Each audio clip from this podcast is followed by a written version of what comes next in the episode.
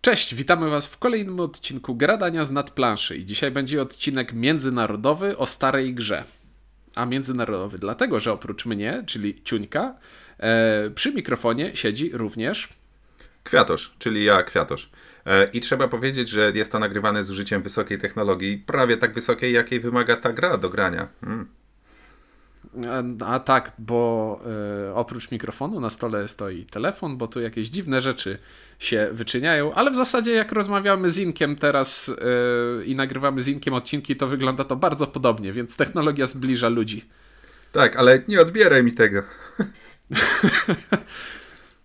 Z tego, co słyszymy, to może być leciutkie opóźnienie między nami, ale to w trakcie odcinka może się okazać, że po prostu nasze wypowiedzi będą trochę bardziej, sprawiały wrażenie trochę bardziej przemyślanych i refleksyjnych. Mhm, taka pauza intelektualna. No a gra, o której będziemy mówić, to oczywiście e, Mansions of Madness, czyli po polsku Jedna Posiadłość Szaleństwa. Um, wydana Druga przez... edycja. Hmm? Druga edycja. Druga edycja, tak jest, druga edycja. Od razu mogę zacząć od disclaimera. Pierwszą edycję miałem w co najmniej dwóch egzemplarzach i zagrałem y, maksymalnie zero razy. Pierwszą edycję miałem, zagrałem wszystkie scenariusze z pierwszej edycji po razu, a później przesiadłem się spokojnie na drugą. Tam po drodze był jeszcze. O, to jest y, cała anegdota o tym, jak w, w, w Januszku Madhandlów e, Mansions of Mandes zamieniło się w e, Imperial Assault Star Warsowy, a później znowu w Mansions of Madness tylko ulepszonego, więc profit. Bardzo ładnie. FFG trzy razy na tobie nie zarobiło. um, no ja bardzo chciałem zagrać, bo jedynka to było coś, co obiecywało, że połączy y, rolę mistrza gry i graczy razem z tym, że pomysł na fabułę jest z zewnątrz i jakoś to się samo toczy, a nie trzeba e, polegać na inwencji tej jednej osoby, która może mieć dzień gorszy. E, ale nie trafiłem na mistrza gry, który miałby dzień gorszy, więc nigdy się nie udało zagrać. Potem wymieniłem, a teraz świetnie mi służy, ponieważ do drugiej edycji można dołączyć elementy z pierwszej edycji. Ewentualnie kupić je za duże pieniądze. W gorszej jakości podobno. No, ale może dość o pierwszej. E, drugiej. O, dalej zaczynacie od klimatu? Tak, i to w tej grze, znaczy jestem gotów zaryzykować stwierdzenie, że w tej grze niewiele więcej jest. To odważne, ale prawdziwe stwierdzenie. Um, generalnie Mansions of Madness polega na tym, że przynajmniej e, w podstawce, o której będziemy e, najsamprzód rozmawiać, e, wchodzimy do posiadłości i eksplorujemy je na zasadzie Lovecraftowskiego śledztwa w, w dziedzinie mitów. I od razu na wstępie muszę powiedzieć, że ja wcześniej nie bardzo byłem zakolegowany z Lovecraftem, bo oczywiście ideowo Lovecrafta bardzo lubiłem, ale w praktyce no nie czytałem. Um, natomiast po zagraniu jednej, jednego czy dwóch scenariuszy, najpierw przesłuchałem sobie audiobooka, potem y, przeczytałem kilka opowiadań i naprawdę czuć, że ktoś, kto to przygotowywał, faktycznie czytał te opowiadania, albo przynajmniej ktoś mu je dobrze opowiedział. E, no, szczególnie, że jedno z, jeden ze scenariuszy w podstawce e, tak żywcem odnosi się do mojego ulubionego opowiadania, czyli Widmo nad Innsmouth. I to jest ten, ten scenariusz, który bardzo, w bardzo fajny sposób e, pokazuje to, co całkiem fajnego też było w opowiadaniu, czyli taki klimat zaszczucia i pościgu i ucieczki przed e, no, złymi ludźmi, którzy gonią i niewiele da się z tym zrobić. E, no właśnie muszę powiedzieć, że ten scen to jest drugi scenariusz, prawda? To jest drugi. Tak, że pierwszy scenariusz faktycznie w pełni rolę bardzo wprowadzającą, a ten drugi, jak zagrałem ten drugi, to e, ten klimat jest, no nie wiem, z 500 razy lepszy niż w tym pierwszym. W sensie niektórzy czytałem na forum się zniechęcają po pierwszym i do drugiego być może nawet nie docierają. E, powinien być jakiś disclaimer, że hej, hej, hej, tu się nauczysz mechaniki, ale to jest tutorial, a nie scenariusz, a może warto y, zacząć od drugiego. Więc jeżeli graliście tylko pierwszy i sprzedaliście, to nie najlepiej. No, ale właśnie. U Lovecrafta najważniejsze było to, że ludzie to są takie mróweczki, które poruszają się po tym wielkim świecie e, i nie są w stanie ogarnąć jego całości i ogólnie rzecz biorąc wchodzi w to horror, horror egzystencjalny i jakieś przedwieczne, straszliwe moce dla których człowiek, cała, cała ludzkość jest niczym.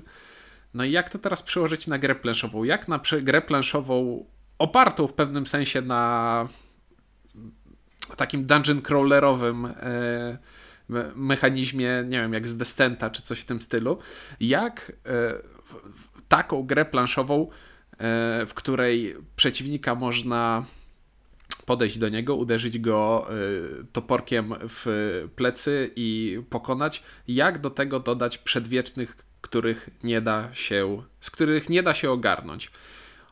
Pierwsza i najprostsza odpowiedź jest taka, że no można tego na przykład nie robić, więc w y, posiadłości szaleństwa będzie dużo jakichś takich mniejszych stworków, y, kultystów odprawiających rytuały. No i, i jak na grę tego typu całkiem sporo walki. Nie w każdym scenariuszu, ale niektóre scenariusze to będą, będą takie, że będą się dosyć mocno opierać na walce. I, yy, i od razu wydaje mi się, że to są te scenariusze słabsze, bo tak samo jak nie o to chodziło w, w Lovecraftie, żeby znaleźć potwora i go zarąbać siekierą. Tak samo tutaj te scenariusze wcale nie działają zbyt dobrze, bo no to znowu będzie klimat przechodzący y, w mechanikę, bo mechanika walki nie będzie tej grze zbyt ciekawa, ale do tego też dojdziemy za moment. Do tego dojdziemy tak. No, to, co jest jakby fajne w rzeczach, które straszą, a nie są pokazywaniem potworów, to jest to, że to zagrożenie gdzieś jest, ale, ale jeszcze go nie widać. I w momencie, jak to już się ujawnia poprzez właśnie jakieś potworki, to kogo to dalej straszy? Jakby alien jest straszny, póki siedzi w korytarzu, a potem jest straszny z innych powodów, ale już nie w taki Lovecraftowy sposób. Um, I ostatnio grałem, y, muszę wtrącić, konsolowe, y, tudzież komputerowe y, Call of Cthulhu to ostatnie wydane z namaszczeniem autorów podręcznika. I tam też jest tak, że jest tajemnica i ta tajemnica jest straszna. I to w apce, i to w Manchester Madness też tak właśnie. Jest tajemnica, rozwiązujemy śledztwo i to jest, kurczę, i to jest to mięso, mimo że niematerialne. A potem jak już się pojawia walka, no to to się rozmywa i się robi z tego taki właśnie dungeon crawler zamiast, zamiast przerażającego śledztwa o, o sekretach, które wszyscy znają już przynajmniej od 100 lat, ale no jednak zachowującego pozory, że faktycznie prowadzimy to śledztwo i dowiadujemy się dopiero rzeczy. O i właśnie. I co tutaj ten klimat buduje w największy sposób? Klimat buduje aplikacja, z którą musimy prowadzić rozgrywkę. Włączamy sobie komputer, włączamy sobie telefon, odpalamy aplikację, wybieramy scenariusz. Narrator w języku angielskim bądź polskim yy, czyta nam wstęp fabularny, a następnie pojawia nam się ekran planszy, na którym leży sobie jeden jakiś jeden kafelek planszy i aplikacja każe nam położyć swoje figurki na tym kafelku. Następnie aplikacja każe nam też na tym kafelku położyć żetony, które oznaczają, że o, w tym miejscu leży coś ciekawego do obejrzenia, a w tym miejscu są drzwi, które można otworzyć i zaczynamy z czymś takim. Wchodzimy do domu, widzimy tylko przedpokój, i każde kolejne drzwi to zagadka, co za nimi się znajduje. Mamy jakieś takie przeświadczenie mniej więcej, do czego będziemy dążyć, e, co jest naszym celem, ale często w ogóle szczegółów nie znamy i dopiero musimy eksplorować te plansze, otwierać drzwi, wtedy aplikacja nam pokazuje, co za tymi drzwiami się znajduje, dokładamy do planszy kolejne kafelki i poznajemy historię, poznajemy tajemnice dziwnych wydarzeń w różnych niepokojących miejscach.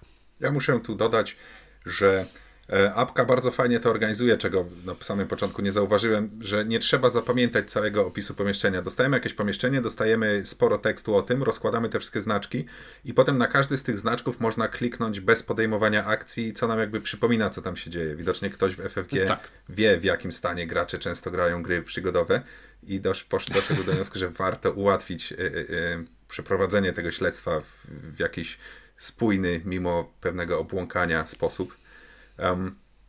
No i właśnie, to co ta informacja, którą dostajemy klikając na jakiś znaczek, w jaki sposób nas naprowadza, co tam może być, ale zadaniem aplikacji i samego scenariusza jest takie, takie przedstawienie tej informacji, żeby ona była trochę naprowadzająca, a trochę myląca. E, I muszę powiedzieć, to czas sprawdza się lepiej albo gorzej, ale jest całkiem fajne, że to nie jest takie oczywiste, że to są drzwi do jadalni, otwieramy, a tam jest jadalnia, tylko na przykład to są drzwi do jadalni, otwieramy, a tam portal do innego wymiaru. Takie rzeczy też się zdarzają.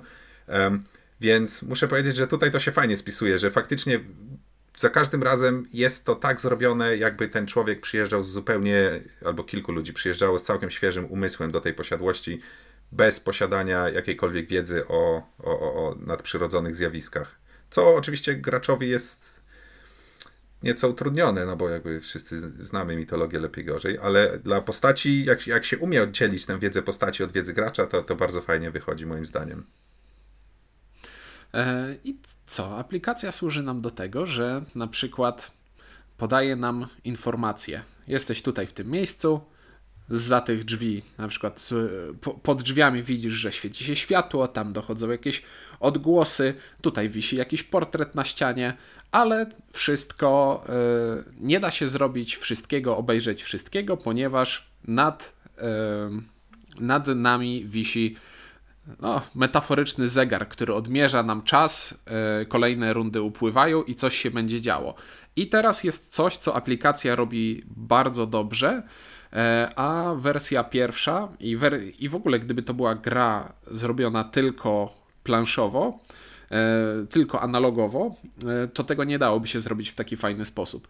To jest gra, która ukrywa przed nami informacje. Nigdy nie wiemy, ile tego czasu do końca nam zostało, ile kart zostało w talii do dociągnięcia i kiedy. A wiemy, że na spodzie talii na przykład leży jakaś karta, która sprawi, że stanie się coś bardzo złego.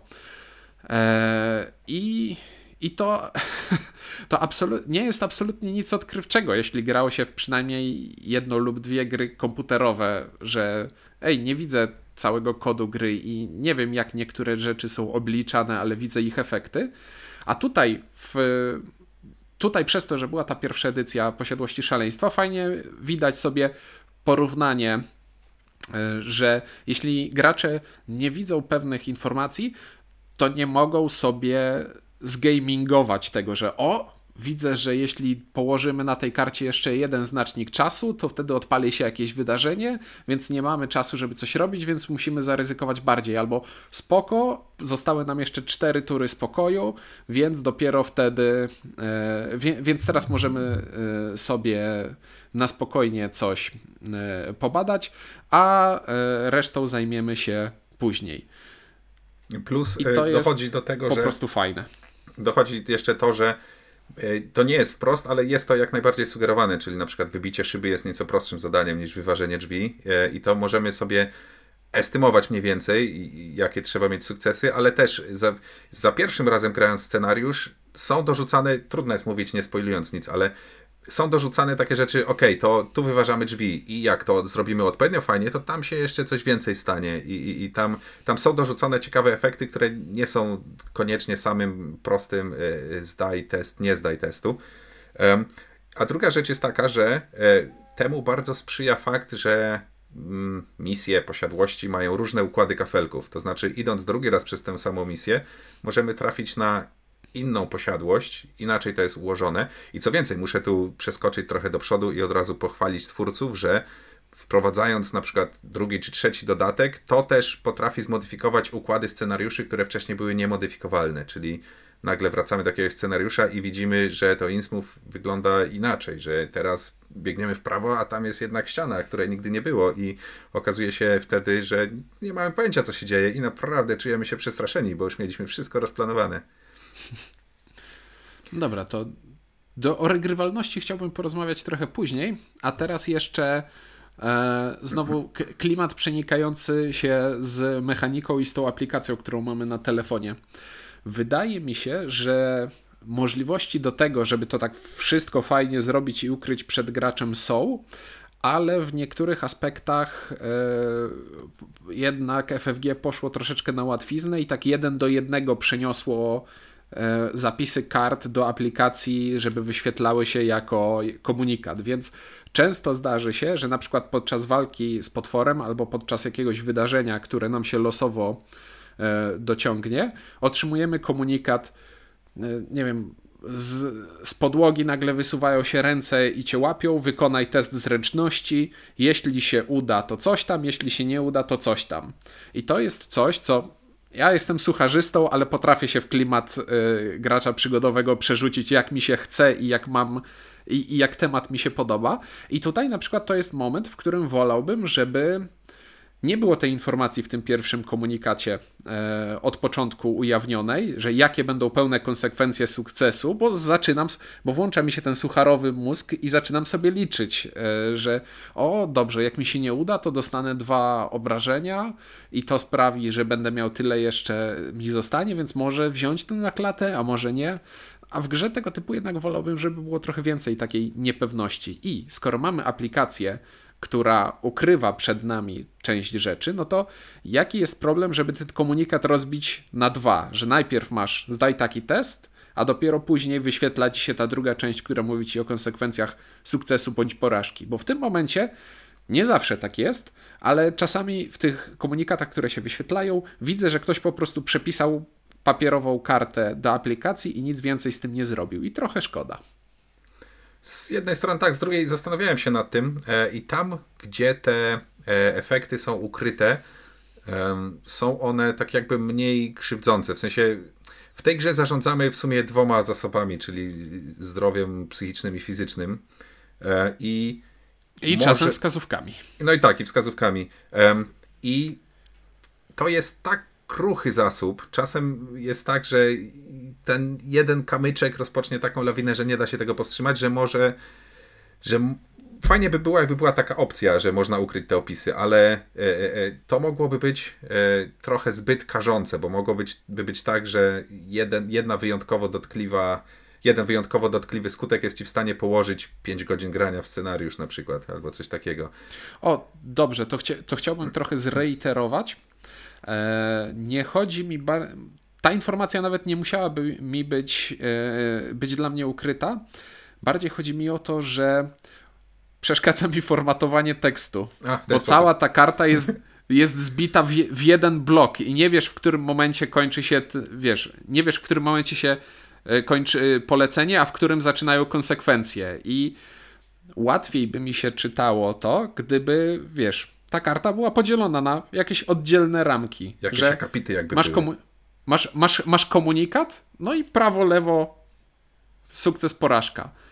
Że, żeby, nie wiem, żebym czytając, siedząc w dużej grupie, siedząc w dużej grupie, zazwyczaj jedna osoba będzie obsługiwać te aplikacje, żeby czytając i wczuwając się w klimat, żeby mógł sobie przeczytać klimatową informację, a żeby te, wiesz, testy, o ile masz zdać, z jakim modyfikatorem i jakie są konsekwencje, żeby one były w nawiasach wyciągnięte przed klimat, żeby to rozdzielić troszeczkę, że mogę, słuchaj, mogę ci przeczytać coś fajnego, a i możemy grać na klimat, a jak chcesz się dopytać, no to tutaj na marginesie mam dopisane, jakie będą konsekwencje tego. Tak, o, to masz takie rację. rozwiązanie bym wolał. No tak, to masz rację, bo to nawet jak się czyta ciurkiem, to w pewnym momencie już zaczynasz czytać ten efekt i nawet nie wiesz tego i dopiero się orientujesz, bo to jest kurczę tak. pisane no, jednym ciągiem. Tam nie ma odstępów w tym tekście. E, tak, to prawda. No i w ogóle też e... trochę oczywiście szkoda, że to nie lektor czyta te teksty. E, do Martwej Zimy nagrali lektora, który czyta karty i tam wtedy dodali też te opcje, że można sobie ukryć efekty albo schować. Znaczy ukryć albo pokazać. A tutaj muszę powiedzieć, że na początku trochę mi to przeszkadzało, e, że ktoś, kto weźmie odpowiedzialność za to, musi czytać e, te teksty, który lektor z pewnością przeczytałby wyraźnie lepiej.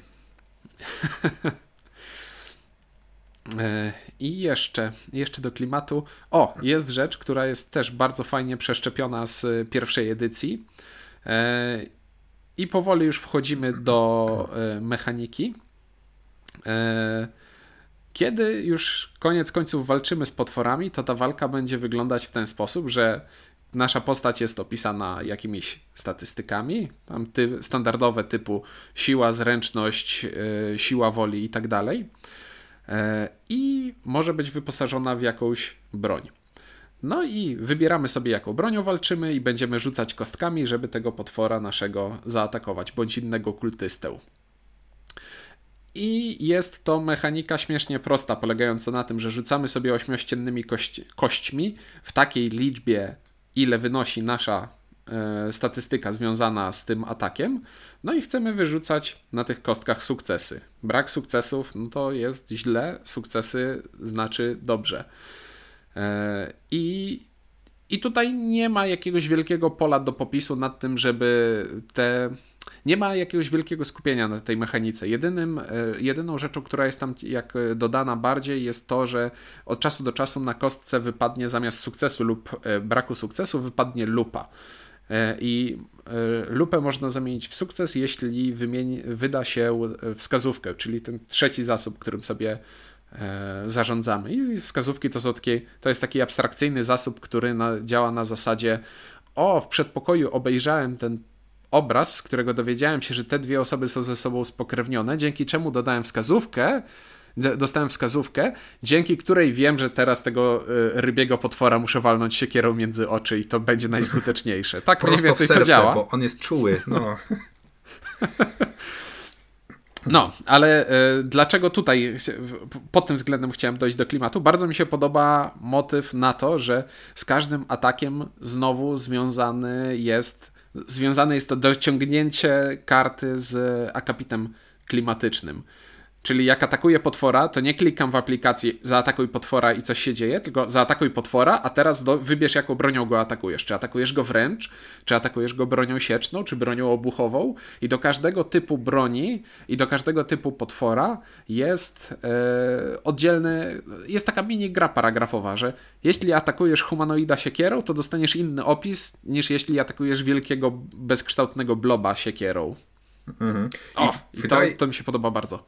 To jest bardzo fajne i wydaje mi się, że też te opisy są różne, w sensie taka sama broń przeciwko takiemu samemu przeciwnikowi. Z tego co pamiętam, tam są też jakieś Jest kilka rzadsze. różnych. Tak, są, są rzadsze. Tak, jest kilka różnych możliwości.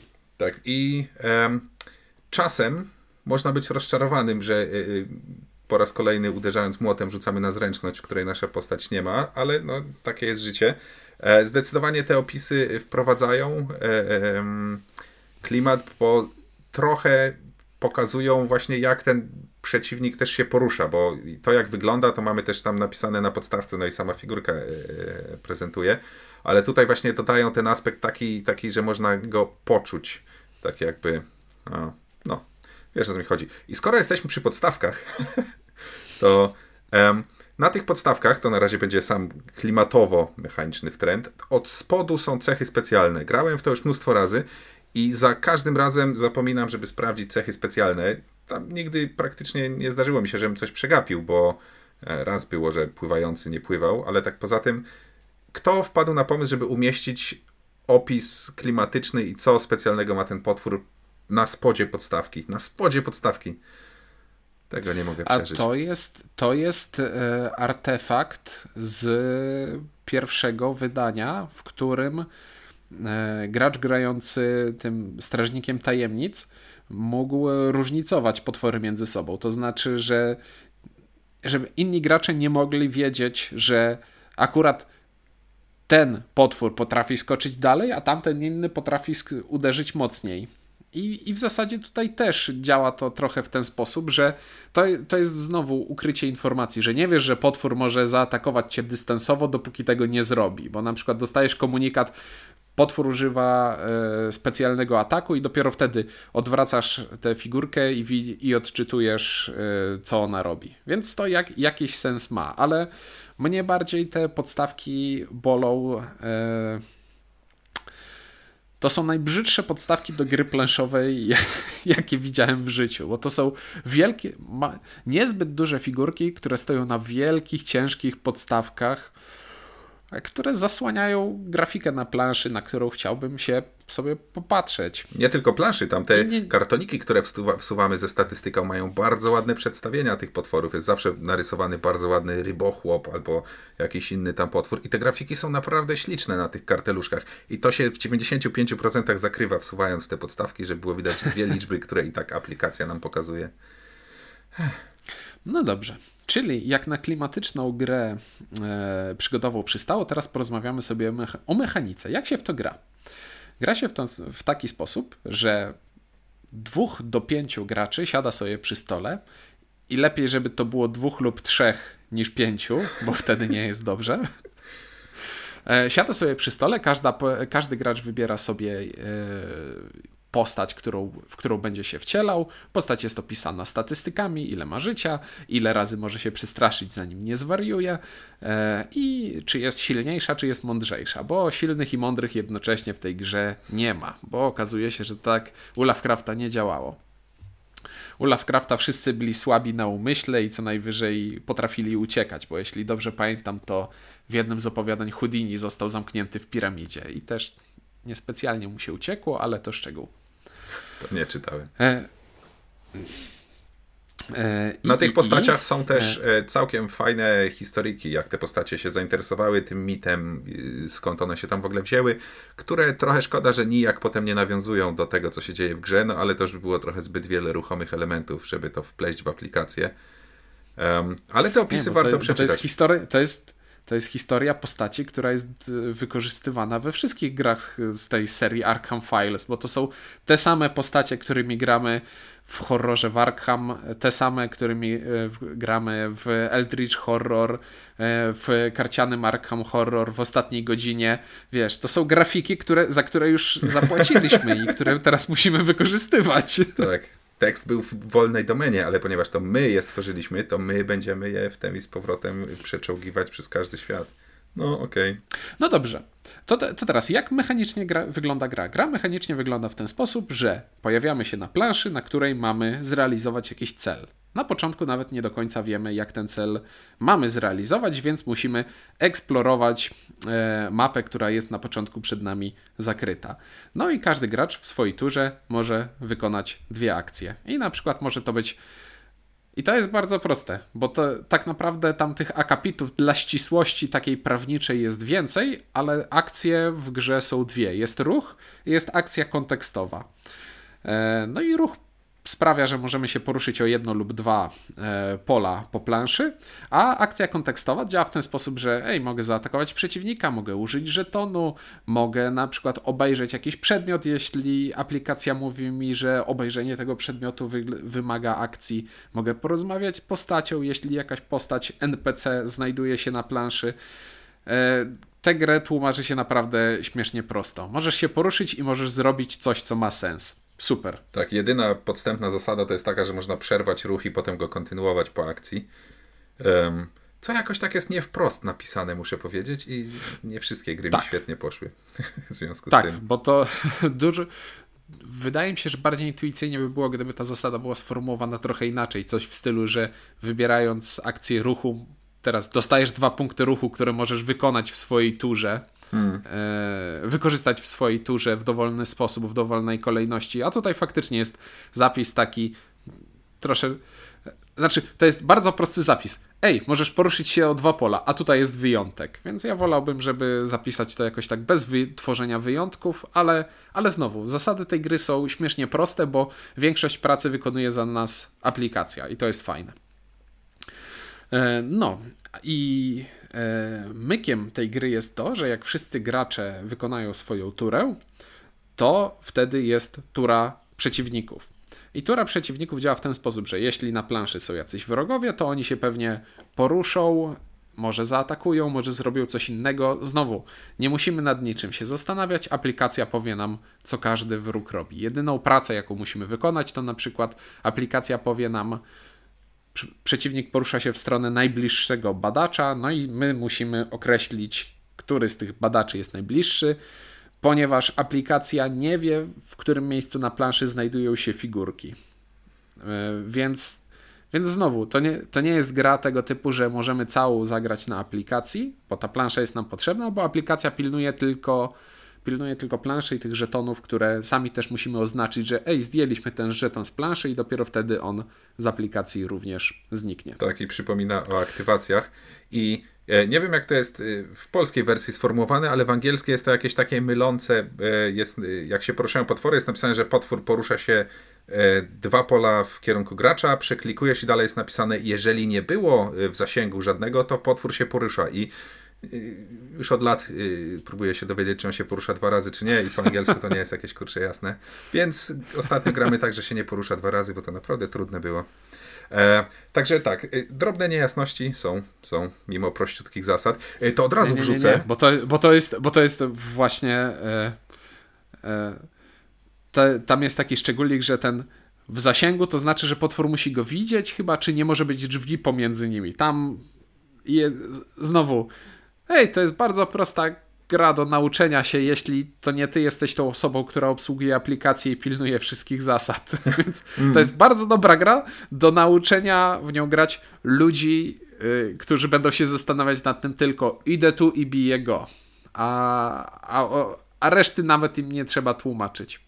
Mm, taka prawda. E, to od razu, to skoro już jesteśmy przy zasadzie, to wrzucę tutaj, bo muszę to wrzucić o zasadzie rozprzestrzeniania się ognia. E, nie wiem, jak grałeś o, tak. rozprzestrzeniania się ognia, ale to jest chyba najczęstszy błąd tego, że na logikę ogień się rozprzestrzenia od ognia i e, w każdy scenariusz na początku, każdy w sensie pierwsze dwie czy trzy gry przegrywaliśmy, bo wszystko ulegało spaleniu zawsze. E, bo zasada jest taka, że ogień rozszerza się o jedno pole tylko i wyłącznie, ile by ognia nie było, pojawi się na nowym jednym polu, a to jest bardzo często tak interpretowane, że gracze dokładają z każdego pola z ogniem, rozprzestrzeniają ten ogień o jeden na przykład, albo w, w ogóle na każde sąsiednie, co też przynajmniej raz zrobiłem. Um, I kurczę, faktycznie tam jest siedem zasad, ale jakoś tak jedna Nie, no bo to jest Znowu, to jest jedna z tych. Nie pamiętam, czy to była pierwsza gra wydana przez FFG w taki sposób, ale chyba jedna z pierwszych, czyli gra z dwiema instrukcjami, gdzie masz instrukcję, którą, ej, przeczytaj i już możesz zagrać, a jak czegoś nie będziesz wiedział, to sprawdź w tej drugiej instrukcji. I otwierasz drugą instrukcję i tam maczkiem jest po prostu indeks wszystkich słów kluczowych i drobnych zasad wypisany. Tak jest. Muszę, I... muszę powiedzieć, że pierwsza gra, w której się I... z tym spotkałem, to Osadnicy z Katanu. Tam tak to było zrobione. e, tak więc to jest rozwiązanie dobre, które w FFG się przyjęło i od tej pory wszystkie gry już są ich wydawane w ten sposób, więc to lubimy. No ale właśnie, oprócz tego, że na planszy mogą być potwory i te potwory się będą poruszać i będą nam coś robić, to aplikacja też będzie odpalała nam jakieś losowe wydarzenia. I to mogą być generyczne losowe wydarzenia po prostu pasujące do każdego kontekstu na zasadzie twoja postać kątem oka zobaczyła cień poruszający się gdzieś w rogu pomieszczenia i zrobiło jej się straszno i musi teraz rzucić kostką. Czy przestraszyła się bardzo, czy jednak stwierdza, że nie, to jednak probably just a wind. E, czy, a z drugiej strony mogą to być wydarzenia, które są ściśle związane z, ze scenariuszem, który rozgrywamy. I i muszę powiedzieć, że to jest coś, co właśnie robi tę grę dla mnie, bo na przykład e, jakbyśmy mieli przejść po wszystkich scenariuszach, taką mini recenzję dla każdego z czterech scenariuszy, które są e, zrobione e, w podstawce, to w scenariuszu drugim i szczególnie trzecim te wydarzenia robią najlepszą robotę tutaj, bo w scenariuszu trzecim przez 90% rozgrywki na planszy praktycznie nie ma żadnych figurek, tylko wszystko robimy. Gramy w to jak w RPG albo grę paragrafową. I to jest naprawdę fajne dla mnie. Hmm. Zastanawiasz się, widzę, przewracając oczami. Tak, bo ja niekoniecznie pamiętam, jak to jest numerowane. Um, tak, faza mitów y, jest czasem, czasem potrafi zdradzić, co się dalej w scenariuszu dzieje, ale to jak już znamy scenariusz, dopiero się na tym łapiemy. Bo jest tak, że na przykład y, mówi, jeżeli jesteś w ciemnej alejce, to coś tam, coś tam. A masz te plansze przed sobą i widzisz, tam nie ma ani jednej ciemnej alejki. I już kurczę wiesz, że coś się będzie działo, bo przecież inaczej by czegoś takiego nie umieścili. Ale to taki drobny spoiler y, od autorów, który faktycznie chyba nie przeszkadza, jeżeli się nie grało jeszcze tego scenariusza. E, skoro mówimy o konkretnych scenariuszach, to ja muszę powiedzieć, że poziom detalu w scenariuszu potrafi się różnić tak dramatycznie, e, że ja grając cztery razy praktycznie pod rząd scenariusz drugi, wydaje mi się, że jeszcze tam nie wszystko zobaczyłem i nie wszystko e, poznałem, co trzeba. Um, a w krótszych scenariuszach jest to wszystko dużo prostsze do zrobienia. I wydaje mi się, że to się wiąże ze skalowalnością, o której już trochę powiedziałeś, abym powiedział troszkę więcej, bo na cztery osoby grało nam się wyraźnie, wyraźnie prościej niż na trzy. Na cztery osoby było jak spłatka, mimo złych zasad ognia, e, a na trzy osoby naprawdę, y, naprawdę wszystko e, było sporo trudniejsze. Być może dlatego, że jakby jest ta dodatkowa osoba, są te akcje dodatkowe, żeby pójść rozpytać e, świadków albo obejrzeć dowody, albo coś. Um, ale nie wiem, jest mi trochę przykro, że na cztery osoby to działa tak, tak dobrze. Bo z drugiej strony na cztery osoby to czekanie na swoją kolejkę, w której być może pójdzie się o dwa pola i dalej się będzie czekać, potrafi zabić sporą część przyjemności, więc y, nie wiem, być może to ja słabo grałem, ale ja bym chciał, żeby ta gra była idealnie policzona na trzy osoby. E, a, a, wydaje mi się, że może, że może tak nie być, że jest na bardziej na większą liczbę osób, jeżeli chodzi o poziom trudności liczona. O właśnie, bo jeśli gramy na więcej osób, to gra zaczyna się nimi, dosyć niemiłosiernie przeciągać. I to wynika po trochu z tego, że no po prostu jest nas przy stole więcej i trzeba pomachać więcej rękami, a z drugiej strony, tak jak w grach nie lubię, jak. W grach nie lubię, kiedy mam obsługę gry, która nie wnosi treści do tej gry. Że na przykład, a teraz przetasuj dodatkowo te talie i pociągnij z niej kartę i coś się stanie. A tutaj dla każdego gracza trzeba czasem po, właśnie pociągnąć tę kartę, zrobić jakiś test, który niekoniecznie ma znaczenie dla fabuły, rzucić kością, wklepać te wyniki w aplikację, poczekać aż ta aplikacja coś przetrawi, bo na przykład na moim telefonie, telefonie ona nie działała zbyt płynnie, mimo że to tylko tekst i, tekst i ramki. Mhm. I, I znowu, każdy gracz dodaje sporo takiej obsługi, której w tej grze mogłoby nie być, żeby ona płynniej e, działała. Dlatego najlepiej grało mi się zawsze na dwie lub trzy osoby. Z czego na trzy no, fajnie, dla mnie w tej grze fajnie jest, jak jest trudno, bo to nie macie głaskać po głowie, tylko ma być strasznie. I na trzy osoby jest dosyć strasznie. I nie trzeba czekać pół godziny na swoją kolejkę. No to prawda, to może trochę moje osobiste doświadczenie, bo grając to w różnych grupach, z jedną grupą zawsze grałem scenariusz drugi, bo oni chcieli go przejść, a jakby graliśmy ha. we trójkę i to było trudne i to było takie już naprawdę w pewnym momencie irytujące, ale może to czysty przypadek, że nie było to mieszane między grupami. Oj właśnie. I jeszcze jak mówiłeś o wielokrotnym graniu w te same scenariusze. E, w grze jest opcja, że za każdym razem mapa będzie wyglądać e, troszeczkę inaczej bo aplikacja złoży ją z dostępnych e, akurat w tym momencie części i będzie odkrywać ją przed nami w miarę, te, w miarę naszych postępów. Ale wydaje mi się, że ta gra.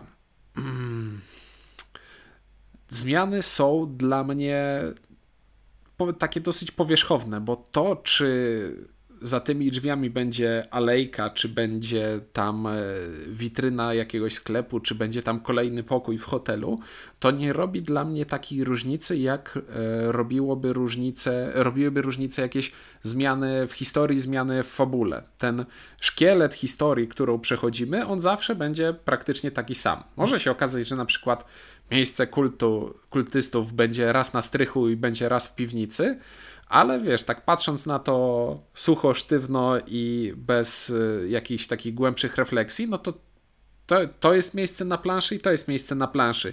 I to, czy będzie tutaj, czy będzie tutaj, to w zasadzie nie robi mi jakiejś wielkiej różnicy. E, I przez to e, ja mało powtarzałem. E, znaczy, jeśli przeszedłem już jakiś scenariusz, to ciężko byłoby, byłoby mi do niego wrócić, bo to jest gra, która przyciągała mnie historią i klimatem i wydarzeniami, ale mechanicznie nie miała w sobie nic takiego, co by mnie przyciągnęło do tego, że chciałbym. O, chciałbym spróbować jeszcze raz, bo teraz będzie mi się tymi kostkami pewnie rzucało lepiej. No tak to nie działało. I tam jest cała masa elementów, które w tej grze mi się podobają, ale to są takie jednorazówki. I na początku myślałem, że to będzie. Znaczy, na początku podchodziłem do tego jak do wady tej gry, ale to jest bardziej cecha niż wada. To znaczy, jak ktoś lubi takie nawalanie się z potworkami i chodzenie po planszy i rzucanie kostkami, no to pewnie to wielokrotne granie scenariuszy będzie go bawiło. Mnie wystarczyło przejść po razu każdy scenariusz i byłem usatysfakcjonowany. Znaczy, słusznie mówisz, że walka tutaj jest najgorsza i no trudno od tego uciec. Dla mnie y, strasznie zaczyna mi się to dłużyć, jak wychodzi trochę więcej potworków, bo scenariusz już jest, ma się ku końcowi, więc jakby, żeby było trudniej, to wychodzi więcej potworków, zagęszczają się te fazy mitów. No i to jest, to jest niestety słabe, bo jakby wchodzimy z fajnym, coś się dzieje, jest tajemnica, a wychodzimy z takim, że okej, okay, no z tego co ja pamiętam w tej grze, to walczyliśmy ciągle z potworami, co wcale nie było ciekawe, żeby zobaczyć, czy uda nam się w końcu uciec, um, czy coś tam innego zrobić. No i, i to, jest, to jest trochę rozczarowujące, bo z jednej strony rozumiem, że musi tu być jakaś mechanika, tak jak mówisz, że tu musi się zdarzyć yy, gra faktycznie. O, no to, że to.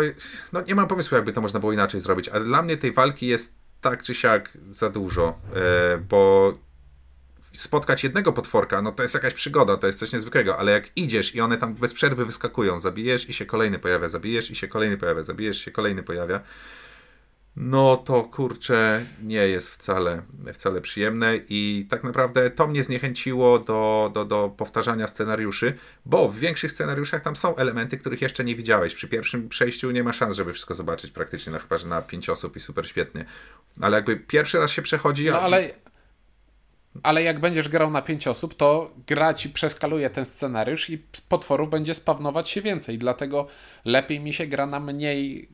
Lepiej mi się grało na mniej graczy, gdzie każdy, wtedy każde pojawienie się przeciwnika było no, mniej powszedniało, wolniej powszedniało pojawienie no się. No tak, tak, tak, zdecydowanie masz rację. Tylko mi chodzi o samo to, że jakby więcej osób możesz faktycznie zobaczyć, większa szansa wydaje mi się zobaczyć cały scenariusz, podczas gdy jak przez niego przechodzisz na trzy osoby uciekając przed yy, nadciągającym zgonem, to jak drugi raz w niego grasz, to możesz faktycznie zobaczyć sporo nowych treści. Trzeci raz już niekoniecznie, zależy jak tam poszło, ale powiedzmy kiedyś określiłem, że to jest e, nie, nie tyle regrywalna, co dwugrywalna gra, że te scenariusze z mojego doświadczenia często drugi raz jest fajnie zagrać, ale potem już po trzeci raz to absolutnie, absolutnie nie. Um, z nową grupą może, bo to jest ciekawe, ale to wtedy trzeba tak się trochę gryźć w język, tak jak, tak jak, tak jak kooperacja, tak. której już znasz, nie? Tak, bo wtedy możesz powiedzieć, o, znaczy, to jest przepis na bardzo złą partię posiadłości szaleństwa. Zagraj w nią z kimś, kto grał już scenariusz wcześniej i bardzo chce go teraz wygrać. Więc ty chciałbyś poznawać i eksplorować, a tamten gracz twierdzi: Nie, nie, nie, nie. Tutaj chodzi o to, że mamy przerwać ten rytuał i ten rytuał będzie się odbywał tutaj albo tutaj. Działamy, go, go, go, mamy wygrać. Hmm. No to takie granie w posiadłość szaleństwa to ja dziękuję. No, to jest fatalne, to jest fatalne. Ja muszę jeszcze tutaj powiedzieć o jednym rozwiązaniu, które klimatycznie jest super, ale mechanicznie jest niestety bez sensu moim zdaniem. E, czy karty obłędu? Karty obłędu, które kurczę... Dokładnie to samo chciałem powiedzieć teraz. No, bo w, w pomysł jest świetny. Hej, będziesz miał inne cele albo coś się nie, innego stanie i nie możesz no, powiedzieć, co to dobrze, jest. Dobrze, to, to, ja, to, ja chciałbym, to ja chciałbym e, na szybko e, słuchaczom podsumować. Każdy, każda postać jest opisana dwoma cechami. Ma życie, jak stracisz całe życie, umierasz. I masz poczytalność. Jak stracisz całą poczytalność, to wariujesz. Ale, o przepraszam, nie. No, no tak, tak to, e, jak to było w instrukcji opisane?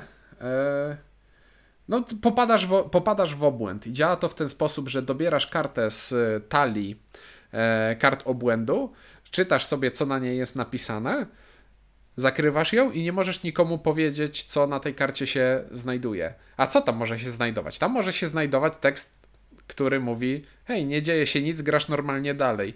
Może się znajdować tekst, który mówi: a teraz oszalałeś i jesteś piromanem i chcesz sprawić, żeby cała plansza spłonęła. I wygrywasz tylko jeśli cała plansza spłonie i w żaden inny sposób. I nagle się okazuje, że jest to gra kooperacyjna ze zdrajcą. Co? I, i tak, i dokładnie, i dokładnie tak jak ty powiedziałeś, to jest mega fajne, mega klimatyczne, ale jeśli. Ale to nie jest gra, w której zwycięstwo, prze, osobiste zwycięstwo, osobista przegrana. Nie ma podstaw mechanicznych jakichś do tego, żeby to, żeby to w, w fajny jakiś sposób rozkręcić. No nie ma, bo to jest jakby. e, Piroman to jest bardzo fajny przykład, bo dwie rzeczy się z tym wiążą. Po pierwsze, wydaje mi się, że ta akcja podkładania ognia nie jest do niczego innego w grze zrobiona. E, Nie kojarzę, żeby mi się podkładanie ognia kiedyś przydało. Teoretycznie można spalić barykadę, wydaje mi się, ale nie, nie pamiętam dokładnie. W każdym razie to jest tylko po to, żeby mógł piroman coś zrobić, a po drugie, wiele z tych kart kończy się tak, okej, okazuje się, że te cele są spełnione, bo grę teraz grasz przeciwko graczom, więc grasz tak, jak cała aplikacja grała, odkąd usiedliśmy do tej gry. Więc y, jak dożyjesz do swojej kolejki, to po prostu wygrałeś. I strasznie mi się to nie podoba, bo to robi, okej, mamy opowieść, a potem rzucimy kostką, kto wyrzuci najwięcej, wygrywa milion dolarów. No, no, no, no nie. E, Są też takie jakieś wpływające nie na grę, tylko na samego gracza, które każą mu lub zabraniają robić pewne rzeczy. I to też jest zupełnie absurdalne, bo jakby cała rzecz y, w graniu w takie rzeczy polega na tym, że oddzielamy wiedzę gracza od, od wiedzy postaci, e, żeby móc jakby udawać, że przeżywamy tę przygodę, a tu nagle jest coś, co nam całkowicie to zaburza. Mówi, hej, hej, wiedza gracza i postaci to jest w tej chwili to samo, więc y, zachowuj się tak i tak przy stole, a na twoją postać to nie ma żadnego wpływu, a tylko ma wpływ na gracza. No bez sensu. Co rozwiązanie, to gorsze tam jest. E, To na koniec jeszcze jedna rzecz mechanicznie mi się e, przypomniała, którą warto zaznaczyć. E, eliminacja graczy jest pomyślana tutaj całkiem rozsądnie, ponieważ nie ma nic gorszego jak zagrać pięciogodzinną grę przygodową i zginąć na początku pierwszej godziny i patrzeć jak drużyna rozwala questa dalej. Więc tutaj działa to w ten sposób, że jeśli któryś z graczy zginie, to wtedy reszta drużyny ma czas na wykonanie zadania z questa do końca następnej swojej fazy, czy tam do końca najbliższej fazy. I jeśli im się uda, to wszyscy wygrywają, a jeśli im się nie uda, no to wszyscy przegrywają, bo jedna osoba z drużyny zginęła. I takie rozwiązanie działa naprawdę fajnie, bo z jednej strony każdy członek drużyny jest tak samo ważny, bo nikt nie może zginąć, bo e, bo nikt nie może zginąć, bo wtedy wszyscy przegrywamy, ale z drugiej strony przez to, że to nie jest tak, że jak ktoś zginie, to natychmiast przegrywamy, mamy możliwość tego heroicznego poświęcenia w kluczowym momencie, kiedy już wiadomo, że do końca jest blisko i trzeba zaryzykować, to można po trupach swoich przyjaciół dojść do tego celu, bo liczy się ważniejsze dobro i, i uratowanie świata. I to znowu, to jest, to jest takie rozwiązanie, które jest prościutkie i z jednej strony sprawia, że ej, nie eliminujemy gracza, któremu źle poszło, a z drugiej strony mamy możliwość takiego klimatycznego zagrania finału scenariusza. Och, znowu, bardzo fajne. To prawda, jest to bardzo ładne rozwiązanie. To No to co? do To oceny. i- czy zb- zbliżamy się do podsumowań w takim razie? Posiadłość szaleństwa to jest taka gra, która idealnie wpasowuje się do y, rodziny gier typu Horror w Arkham, bo tak jak patrzyłem na stronę Galakty, to po polsku jest wydanych już chyba cztery czy- są cztery duże dodatki wydane po polsku. I jeśli dla kogoś byłaby to ulubiona gra, w którą chce wpakować wszystkie swoje pieniądze, to FFG chętnie te pieniądze przyjmie i jest to gra zaprojektowana do tego, żeby wciągać pieniądze i żeby z każdym dodatkiem dawać graczom nowe możliwości i dawać nowe questy. I, i, to, jest, I to jest fajne, jeśli komuś się coś takiego podoba. Mi coś takiego się podoba, ale i uważam, że to jest jedna z lepszych gier tego typu, bo y, grałeś w Podróże przez Śródziemie. Nie. Podróże przez Śródziemie to jest taka posiadłość szaleństwa odbita w lustrze. To znaczy, tam historia jest taka se, ale walka jest fajniej pomyślana. To E, więc jakby udało się to w przyszłości złożyć w taką jedną grę, to byłbym bardzo szczęśliwy. To- Ale na razie z tych Imperial Assault chyba ma mieć kolejną edycję, tak? Gdzie może złożą to wtedy w takie sensowne, narracyjno walczące coś. Dobrze by było. Tak czy siak, bardzo fajnie grało mi się w posiadłość szaleństwa, pod warunkiem, że nie graliśmy zbyt długo i w zbyt wiele osób i nie graliśmy zbyt dużo razy tego samego scenariusza. Co. I właśnie to jest, to jest gra, która mi się bardzo podoba, ale to jest bardzo dużo ale do gry, która kosztuje tyle, ile kosztuje posiadłość szaleństwa. bo w pudełku znajdują się cztery scenariusze do zagrania, z czego jeden jest trochę bardziej nastawiony na walkę niż na eksplorowanie, przez co wydaje mi się, że jest wyraźnie słabszy, przez co w tym pudełku za 300 zł zostaje nam, zostają nam trzy scenariusze do zagrania. To jest 100 zł za dobry scenariusz i to wydaje mi się, że jest trochę drogo, ale z drugiej strony, jak ktoś chce wydać tyle pieniędzy, no to na to warto. A i dla mnie ta gra to jest, to jest jeden. To jest, to jest gra, w której już zagrałem tyle razy, ile miałem zagrać i mam bardzo dobre wspomnienia. Jeden.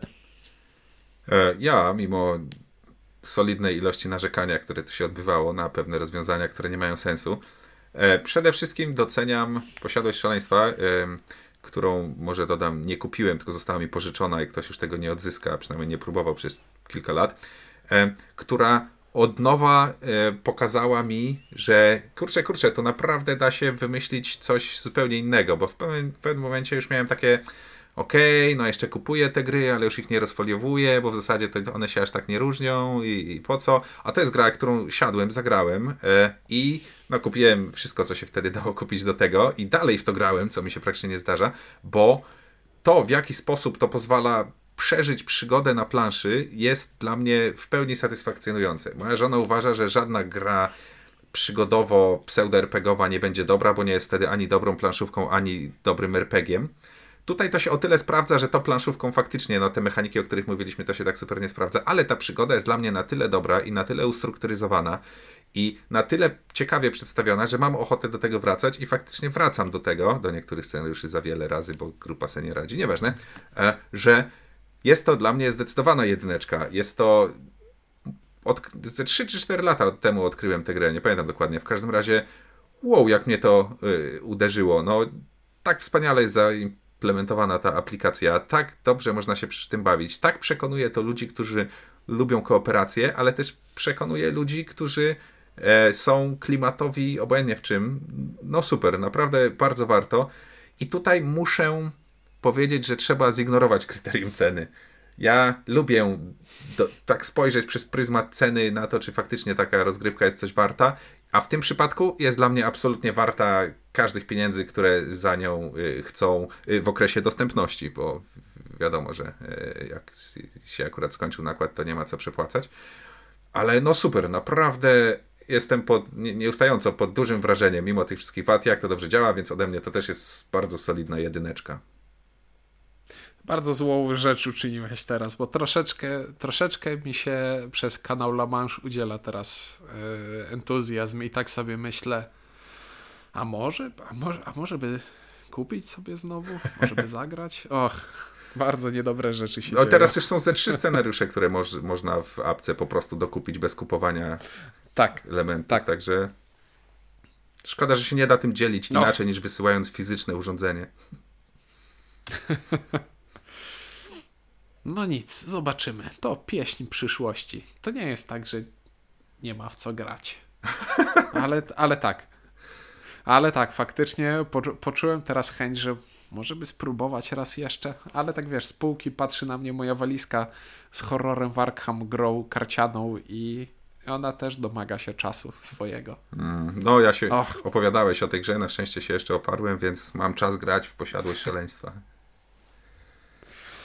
E, no dobrze, więc e, rozmawialiśmy zaskakująco długo o, i jakoś tak mało dynamicznie, ale zawsze odcinki bez windziarza są mało dynamiczne i nie ma dwuznacznych żartów, ale, mhm. ale mamy nadzieję, że nie słuchało się tego źle. E, więc o grze Posiadłość Szaleństwa, druga edycja, mówili dla Was Kwiatosz i Ciuniek. Dzięki i do usłyszenia w kolejnym odcinku.